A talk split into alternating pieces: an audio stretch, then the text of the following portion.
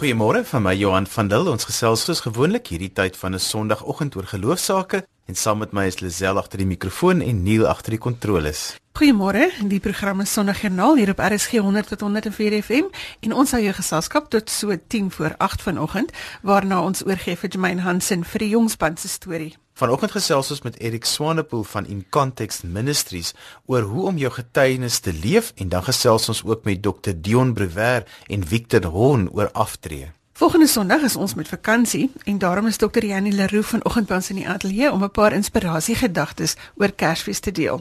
Ons gesprekke is soos gewoonlik op potgooi beskikbaar. Jy kan dit gaan aflaai op RSG se webwerf by rsg.co.za en ons sal natuurlik van jou hoor op ons SMS-lyn by 34024 teen 'n rand per SMS of jy kan ook met ons op ons sosiale media bladsy kontak maak.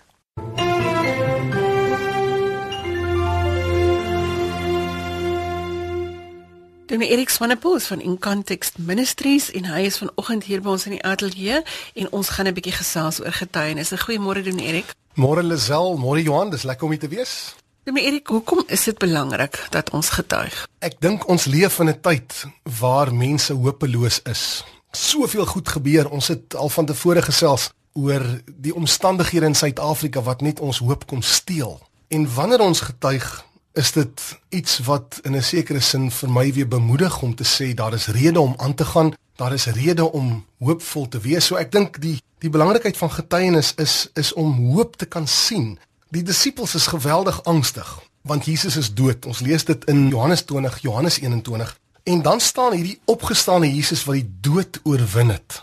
Wat alle mense vrees, die dood. Dan staan hy in die tuin by Maria Magdalena en dan huil sy want sy het agtergekom haar hoop is daarmee heen. Jesus is dood. En dan dink sy hierdie man wat voor haar staan is die tuinopsigter. En dan spreek sy hom so ook aan en dan vra sy waar het jy vir Jesus begrawe? Waar is hy? Sê my asseblief.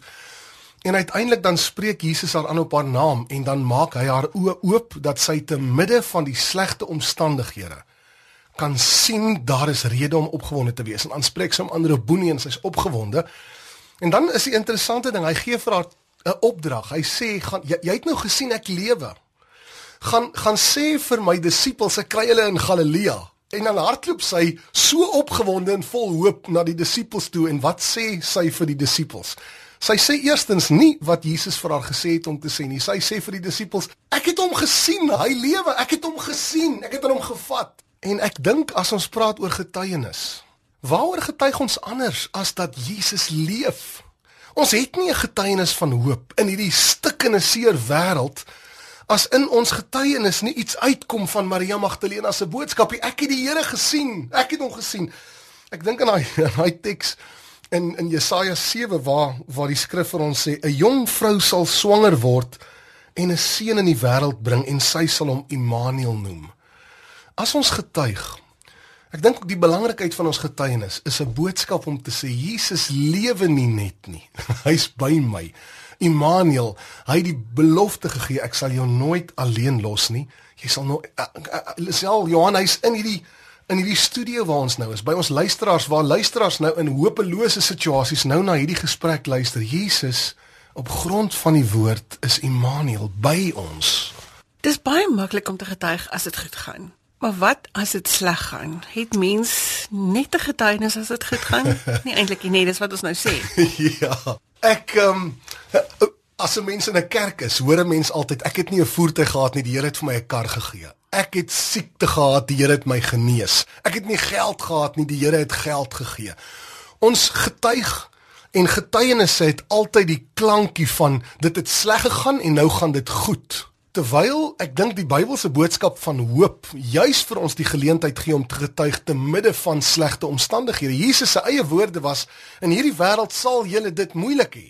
Nou nou is die vraag, hoe getuig ons dan as dit sleg gaan? Ek ehm um, ek, ek vra vir myself baie keer die vraag af. Mense hoor nooit in 'n kerk die getuienis, weet julle dit gaan sleg met my. Ek het my kruis opgeneem, maar ek het 'n stuk vreugde daarin al sal die vrye boom nie bot nie nogtans sal ek jubel. Mense hoor so min getuienisse waar mense kan jubel in die oomblik waar hulle binne in die leeuhok is of in die oomblik waar, waar binne hulle die vuuroond is. Ho hoekom is dit so dat ons net 'n getuienis het of ons dink ons het net 'n getuienis wanneer wanneer dinge goed gaan nadat dit sleg gegaan het. Christene het juis die boodskap om te sê as dit met my nou sleg gaan, ek leef in my 'n stuk opgewondenheid want iets beters is aan die kom. Want ek hou aan iets vas. Daar's iets van ek vashou, daar's 'n handvatsel. Die gees van God is in my. Ek dink byvoorbeeld aan 'n getuienis van van ons bedieningsleier Mike Bernard wat julle ook nou ken, eh, het het het in 'n gemeente ingestap in China. En uiteindelik is die getuienis of die die die erediens begin toe en, en die kerkleier nooi die gemeente uit. Wil julle nie met ons deel getuienisse van wat het julle van God beleef en so sal die een na die ander ou in die kerk opstaan en sê kom ek deel met julle. Toe ek die evangelie gaan deel het, het mense my gespot. Hulle het my weggejaag met 'n stok. Die een ou het sy hemp uitgetrek en gewys die houe wat hy ontvang het op grond van die marteling waarmee hy geslaan is omdat hy die evangelie wou deel. Die die, die kerk in China se getuienis lê daarin. Kyk wat dit ons verduur. Kyk hoe swaar gaan dit met ons omdat ons opgestaan het vir die evangelie. Laat my ook dink aan daai teks in, in is dit Johannes 20 of 21 ook. Waar, Johannes 21 dink ek waar waar Jesus vir die disippels sê Uh dis nie 'n spook wat voor julle staan nie in die bo vertrek. Dan wys hy sy hande vir die disippels en sê Soos die Vader my gestuur het, stuur ek julle ook. Met ander woorde, wat is die gevolg van gestuur wees? Merke aan jou hande, merke aan jou lyf. So wanneer Jesus as gelowiges vir ons in die wêreld instuur, moet ons een ding weet, die wêreld sal ons haat. En as ons almal wag vir goeie tye voor ons begin getuig, is dit nie regtig in lyn met wat die skrif vir ons sê nie. Die skrif sê hier is die hande in my merke, soos die Vader my gestuur het, julle is ook so gestuur. En En moet ons in 'n sekere sin sê daar lê 'n groot stuk getuienis van Jesus wat Immanuel is by ons te midde van 'n warm oond, 'n leeuhok. Daar's hoop in getuienis. Erik ons praat net so van getuienis en julle werk by In Context Ministries en julle gaan reg oor die wêreld. Is daar iets waaroor jy vir ons 'n storie kan vertel wat vir die luisteraars kan oopbring? Lisel ek uh, as die tyd ons toelaat is daar twee kort getuienisse wat ek wat ek graag deel. Die eerste een is van iemand in Indonesië. Is 'n jong broer, ek dink hy's 2 of 23 jaar oud gewees. Hy was deel van daai plaaslike land se grootste geloof. Was nie 'n Christen nie, tot bekering gekom en uiteindelik is hy besig by 'n kerk om te studeer om die evangelie te bring aan hierdie grootste groep van 'n ander geloof in sy eie land. En uiteindelik uh, kom hy agter by die plek waar hy studeer net buite die kerk dat die kerk besig is om af te brand en toe die plaaslike mense die kerk aan die brand gesteek om die Christene te vervolg. En en uiteindelik gebeur dit dat hierdie ou met 'n met 'n panga of 'n machete terwyl hy die deur vir die kerk se deure probeer oopmaak om die Christene te bevry wat besig is om uiteindelik binne in die kerk te brand. Probeer uit die kerk se deure oopmaak, slaan iemand aan die buitekant hom op sy nek met 'n machete. En uh is hy is hy dood 'n paar minute later as gevolg van die hoeveelheid bloed wat hy verloor het. En gebeur dit dat hulle hom na die lijkhuis toe vat. 'n Paar ure later om 'n lang storie kort te maak, word hierdie ou wakker in die hospitaal en toe het hulle agtergekom daar is nog steeds lewe in sy liggaam. 6 maande gaan verby en ons bedieningsleier staan met hom by 'n konferensie in Indonesië en hierdie hierdie Indonesiese jong man deel sy getuienis. En uh en ons bedieningsleier sê wie jy uh dis sleg wat in jou land gebeur. Kom ons kry jou in Suid-Afrika waar dit veilig is, waar jy nie moeilikheid sal hê nie. En hierdie jong ouetjie kyk vir Mike Bernard in sy oë en sê, "Brother, if I go to South Africa, I will be disobedient."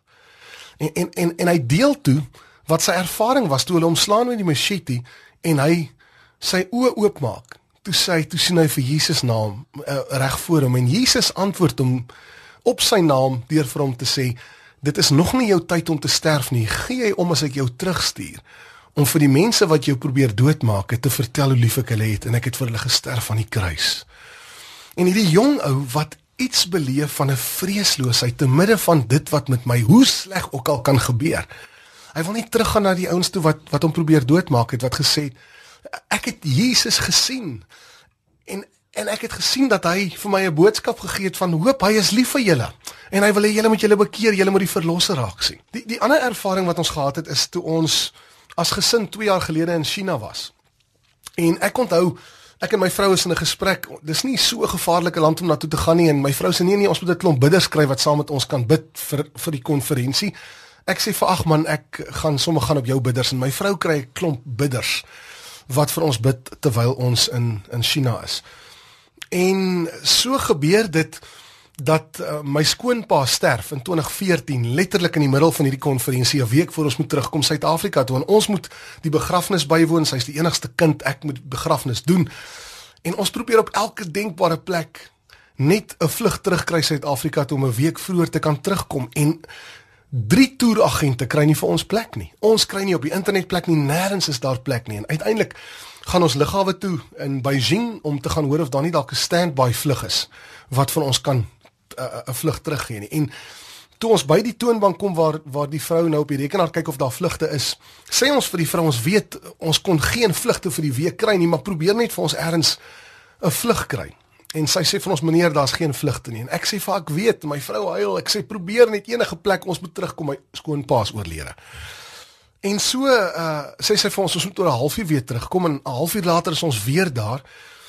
En en die vrou sê hoorie daar is net plek vir een persoon jou vrou kan vlieg, maar jy en jou kinders moet agterbly. Ons is toe nu 4, my my vrou en ek en die twee kinders. En my vrou huil en ek sê asseblief kyk net uh, of daar nie dalk vir my en die kinders ook plek is nie. Die vrou raak moeilik met ons. Sy sê daar is net vir jou vrou plek. Sy moet nou op die vliegtuig klim, die vliegtuig verlaat die plek binne die volgende 3 ure. En um, ons val uit die uit die ry uit en ons weet ons verloor daai sitplek en my vrou SMS ons bidders in Suid-Afrika. Wat moet ek doen? Uh moet ek die enigste sitplek vat en my man en my kinders bly agter of moet ons maar net agterbly vir nog 'n week en die begrafnis uitstel met 'n week? En ons kry 'n SMS uit Suid-Afrika en die een vrou sê vir ons: "Gaan staan oor 5 minute weer in die ry, gee vir ons kans om vir 5 minute vir julle te bid." My vrou wys die SMS en aan die einde van die SMS staan dat die Here gaan oor 5 minute vir julle vier sitplekke op daai vliegtuig gee. En ek is onmiddellik kwaad vir my vrou. Ek sê vir my vrou ek is 'n dominee, ek weet hoe gebed werk, dit werk nie so nie. Ouens in Suid-Afrika bid vir ons vir vier sitplekke. Maar nou weet ek my vrou is emosioneel, ek moet sag met haar werk en uh, ek gaan staan in frustrasie weer in die ry vir die derde keer. En die vrou agter die rekenaar by die lugredery wat vir ons moet help sê vir my meneer jy was jy was 'n halfuur terug ek het vir jou gesê daar is 'n plekkie meneer jy was 5 minute terug hier ek het vir jou gesê daar is nie plek nie en my woorde aan haar was in Engels for the sake of my crying wife once more, check once more. En sy's geïrriteerd en gefrustreerd en sy sien ek wil nie die ry verlaat nie en sy gaan op die rekenaar in. En sy sê vir my in Engels sê sy ek sê dit in Afrikaans. Sy sê meneer, ek verstaan nie wat aangaan nie. Nog nooit het ek so iets beleef nie. Hier het sopas 4 sitplekke beskikbaar geraak op hierdie vliegtyg en ek en my vrou begin huil. En ons kan vir haar antwoord, ons weet hoekom. Want ons dien 'n Jesus wat gebede van gelowiges na luister. Ek wil luisteraars bemoedig. Jesus is die een oor wie ons getuig.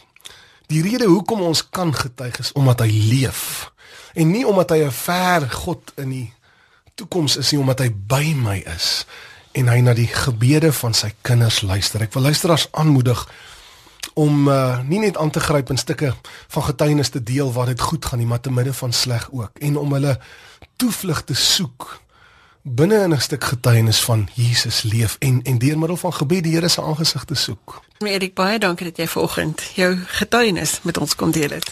Johan Lisel baie dankie, dit was heerlik. Lisel het gesels met Dominee Erik Swanepoel van In Context Ministries. Vanoggend het ons dit goed gedink om te gesels oor bejaardes se waarde in die gemeente, bejaardes se aftrede en niemand beter om daaroor te gesels nie as Victor Hon wat self afgetree is. Goeiemôre Victor. Goeiedag, Lisel. Victor, wanneer 'n mens aftree, wat is die goed waarvoor jy moet uitkyk? Ek dink een van die dinge, Lisel, is hierdie blinde gedagtes wat rondstroom en dit is naamlik as jy aftree as jy in die derde fase van jou lewe en dis 'n betekenislose fase.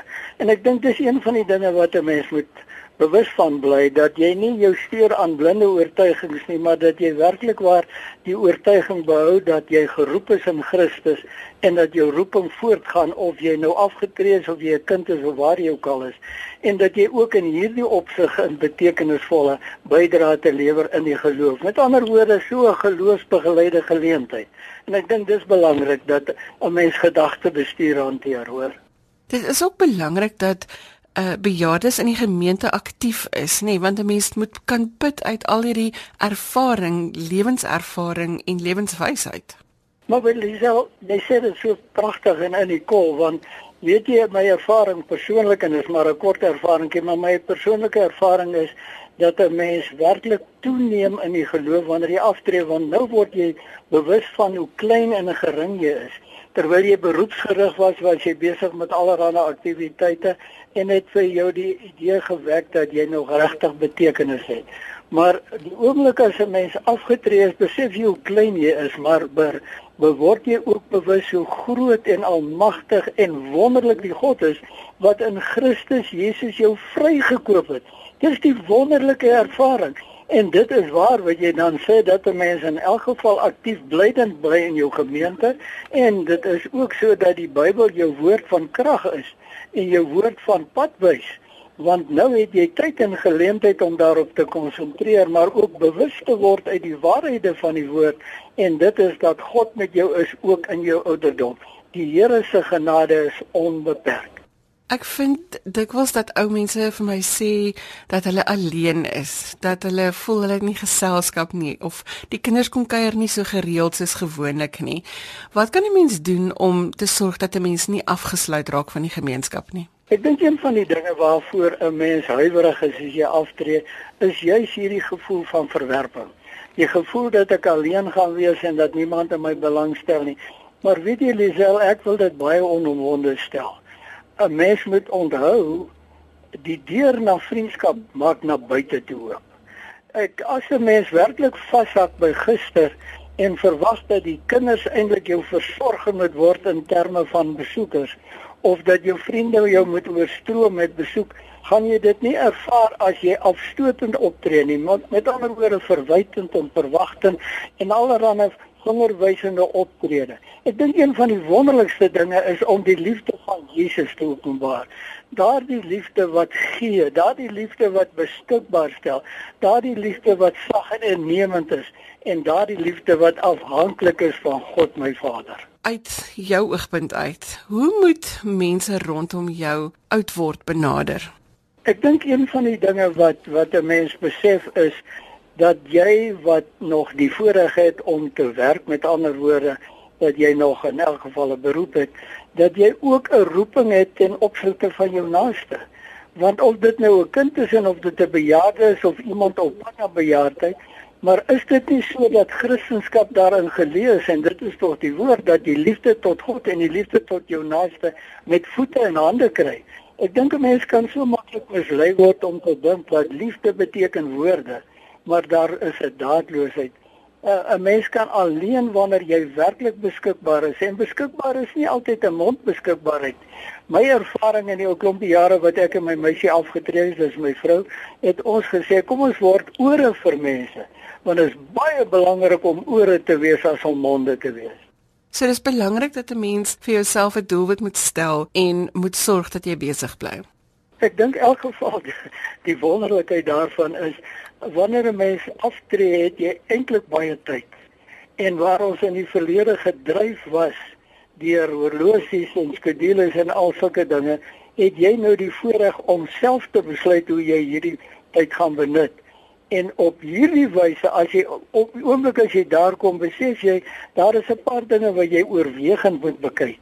En as jy dit oorwegend bekyk, sal jy agterkom dat as gelowige is een van die eerste dinge waarna jy moet kyk is naamlik op watter wyse glo ek? Is my geloof blyte net 'n kwessie van lees van die Bybel of is my geloof werklik soos ons in Hebreërs 11 lees, 'n absolute oortuiging van dit wat ek nie sien nie, is my God en dat ek 'n verwagting het dat met my God kan ek oor 'n muur spring, maar daardie muur spring by een beteken een ding Lisel.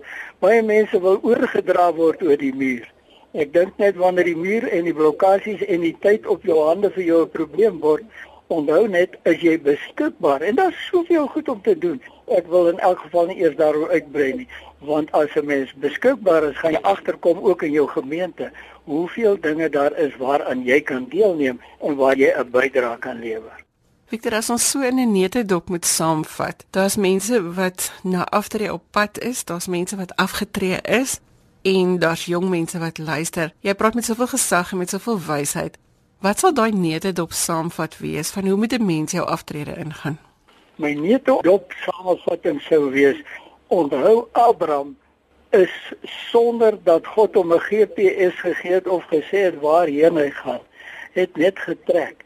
Hy het net 'n oortuiging gehad hy moes trek en toe God vir hom sê dat hy 'n nageslag gaan hê, het hy nie vrae gevra nie, hy was selfs bereid om sy seun te offer. Wat sê ek? Dit is 'n absolute totale oorgawe aan die Here en en sy wil met die wete dat die God wat vir my lewe gee ook die pad vorentoe vir my sal lei en vir my die genade sal gee om te doen wat hy wil hê ek moet doen. Victor, 'n voorreg om met jou te gesels vanoggend. Baie dankie vir die inspirasie wat jy vanoggend vir ons gegee het. Lisel mag jy geseënd wees in die luisteraars die betekenisvolheid van lewe in Christus ervaar. Lisel het gesels met Victor Horn oor aftrede en hoe om dit in geloof en met energie aan te pak. Jy's ingeskakel op RSG en ons gesels geloofsaake tot so kort voor die 8uur nuus.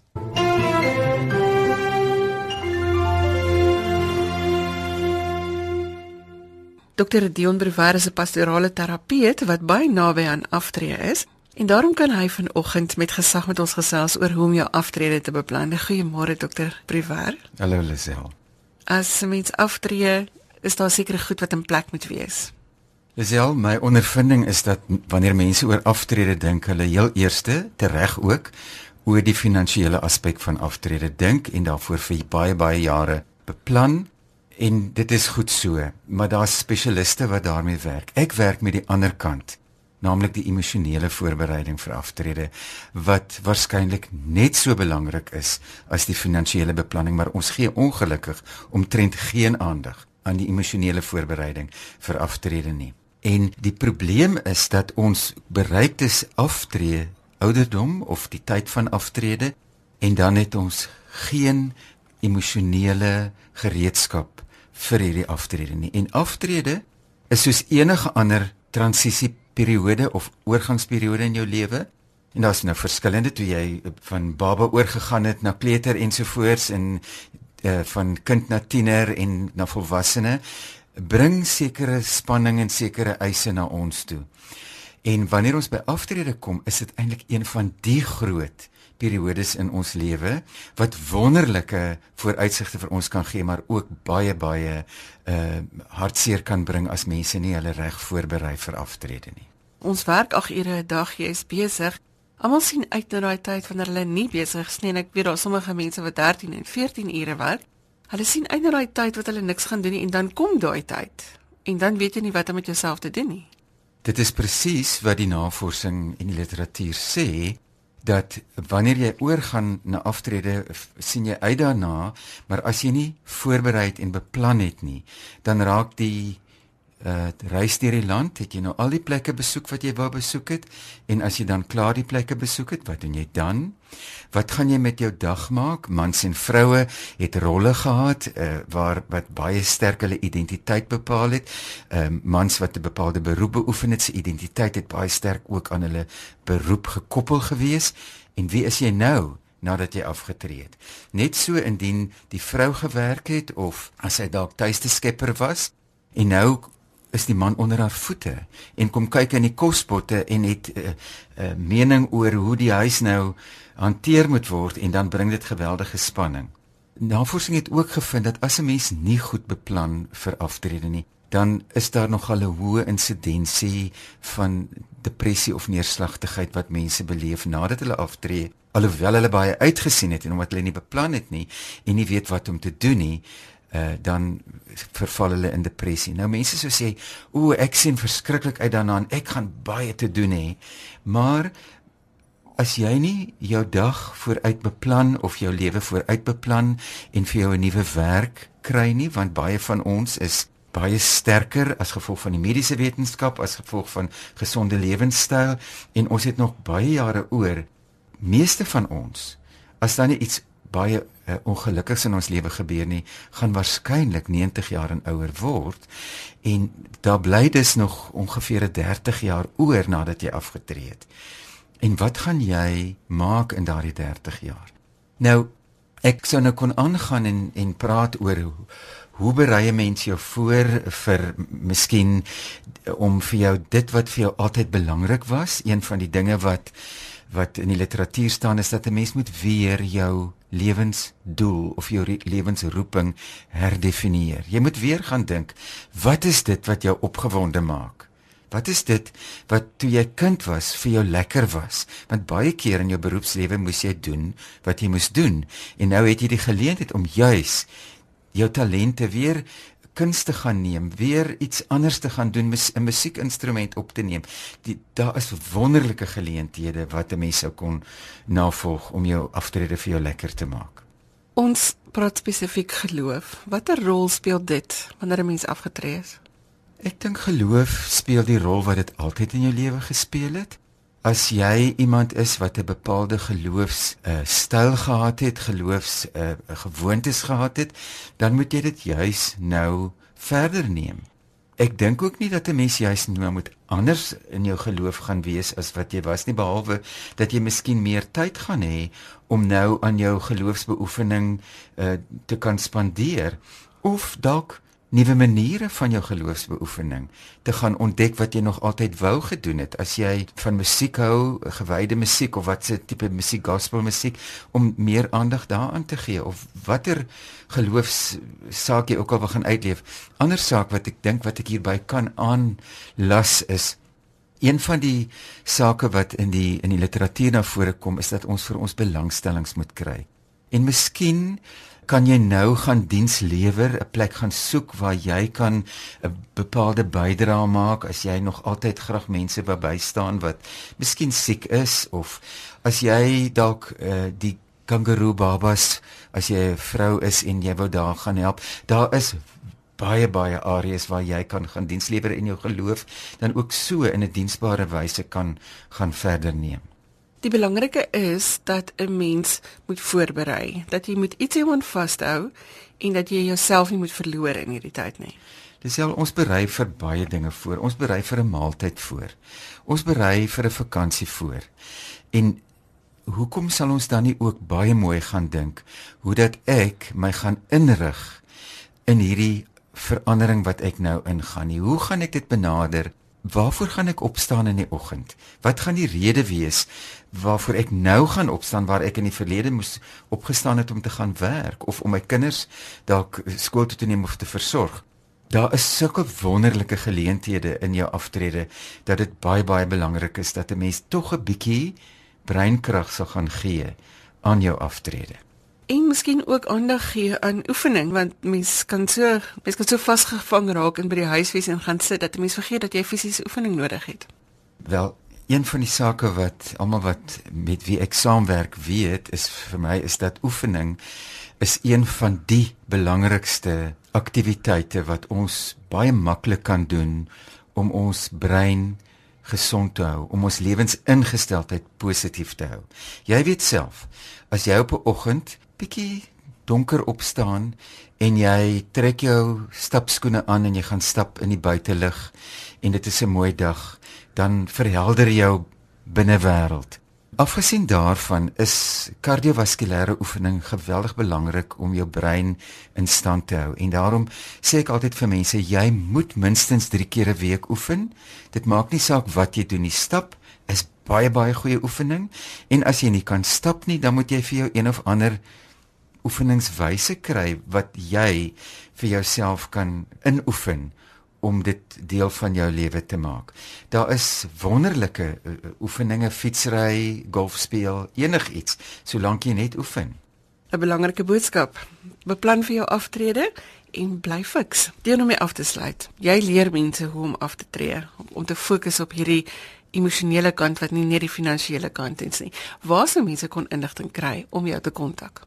Lisel, ja, ek is bevoorreg om vir baie jare al 'n uh, aftree voorbereidingskursus met die oog op die emosionele en die praktiese voorbereiding vir aftrede aan te bied. Dit is een van die wonderlikste kursusse want die mense wat na hierdie kursusse kom, is mense wat al 'n stukkie lewe geleef het en daarom lag ons en is dit heerlik om deel te wees van so 'n kursus en vertel mense ook hulle verhale van hulle kunstig af maar ook wat hulle beplan vir aftrede. En mense kom na die werkswinkel soos jy dit wil noem en hulle sê ons is bietjie angstig en onseker En wanneer hulle daar weggaan, dan is hulle opgewonde, dan sê hulle dit is wonderlik om 'n plan te hê waarmee ek sou kon aftree.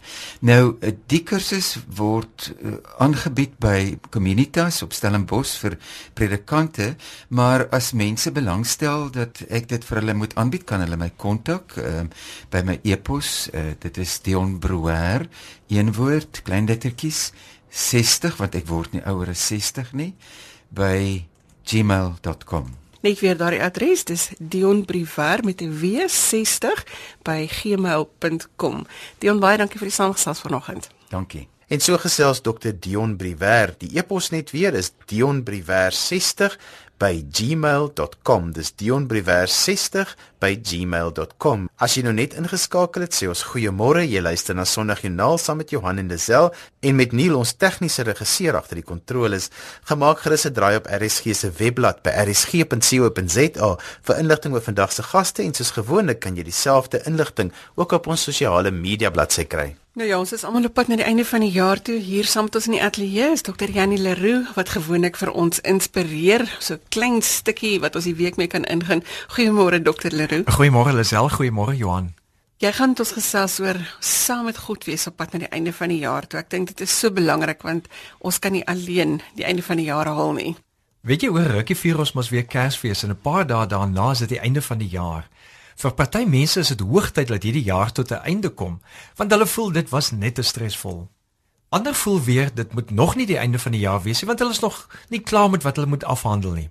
Sommige begin hulle instel vir 'n jaareindfunksie, terwyl ander in vrees lewe, want teen die einde van die jaar moet hulle klaarmaak in hulle werk. Nog ander wens hierdie jaar sal nooit eindig nie, want dit was hulle beste jaar ooit. Soos regtig 'n tyd van baie wisselende emosies.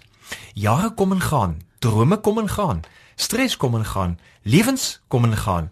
Die vraag is hoe ons al hierdie lewenskommelinge kan hanteer en steeds vreugde beleef. Natuurlik kan ons nou gaan kyk na wat ons gehoop het om hierdie jaar te bereik en dan jaag om te kyk wat ons nog kan bereik. Maar ek wil te midde van hierdie strewe na sukses ons luisteraars vra om op 'n ander manier na hierdie jaar terug as ook vorentoe te kyk. Ek is nou nogal nuuskierig op watter manier stel jy voor dat ons vandag terug en vorentoe kyk? Neem 'n tydjie om terug te kyk oor die jaar na al die hoogtepunte as ook die laagtepunte. Na al die suksesse sowel as al die mislukkings. Kyk na die seertye as ook na al die tye van intense vreugde. Kyk na al die drome wat waar geword het as ook na drome wat jy moes laat vaar. En nou gaan jy vir 'n oomblik in die emosie van elkeen van hierdie gebeure in. En dan vra jy: Jesus, waarmee is jy besig? Wat wil jy deur hierdie gebeure vir my sê? Die kuns is om te luister na wat reeds hierdie jaar gebeur het. Wat het die insidente, wonderwerke, emosionele tye vir jou te sê waarmee God besig is? Dit mag wees dat jy ervaar God is besig om jou voor te berei vir 'n ander seisoen of rol. Of dit mag wees dat jy hoor God wil hê jy moet dit stadiger vat. Of dalk moet jy iets laat vaar. Dalk is daar 'n deurlopende tema aan al hierdie gebeure waaraan jy aandag moet gee. Let op die innerlike gewaarwording en besef wat die Heilige Gees nou vir jou gee. En laat dit dan jou rigting en jou keuses na die einde van die jaar toe bepaal. Gebruik hierdie oomblik asof dit die laaste oomblik van jou lewe is en evalueer waar jy saam met God moet loop. Ek lees hier 'n interessante verse Genesis 17. Toe Abraham 99 jaar oud was, het die Here aan hom verskyn en vir hom gesê: "Ek is God, die Almagtige. Lewe naby my en wees opreg." Letterlik stel God hom bekend as El Shaddai. Dit beteken God is die Almagtige. Wat ook al die jaar of toekoms gaan oplewer, God bly die Almagtige. Niks is vir God onmoontlik nie. Niks is buite God se krag en mag nie.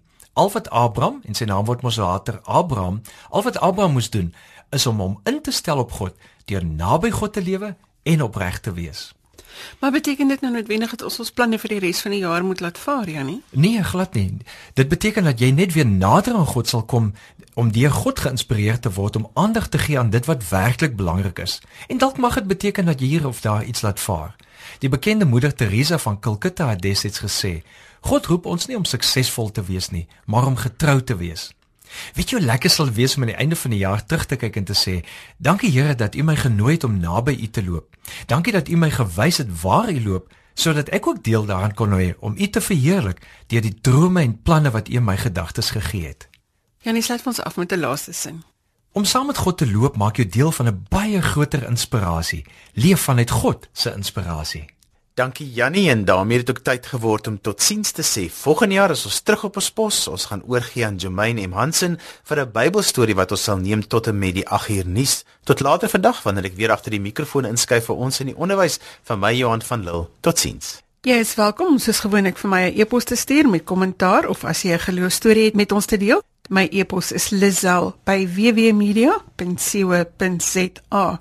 Ek herhaal net weer, dis Lizel, L I Z E L E by wwmedia.co.za. Of jy kan vir ons 'n boodskap stuur deur die webwerf by rsg.co.za. Ek groet tot volgende jaar ook namens produksieregisseur Neil Roo. Tot dan, totsiens. thank you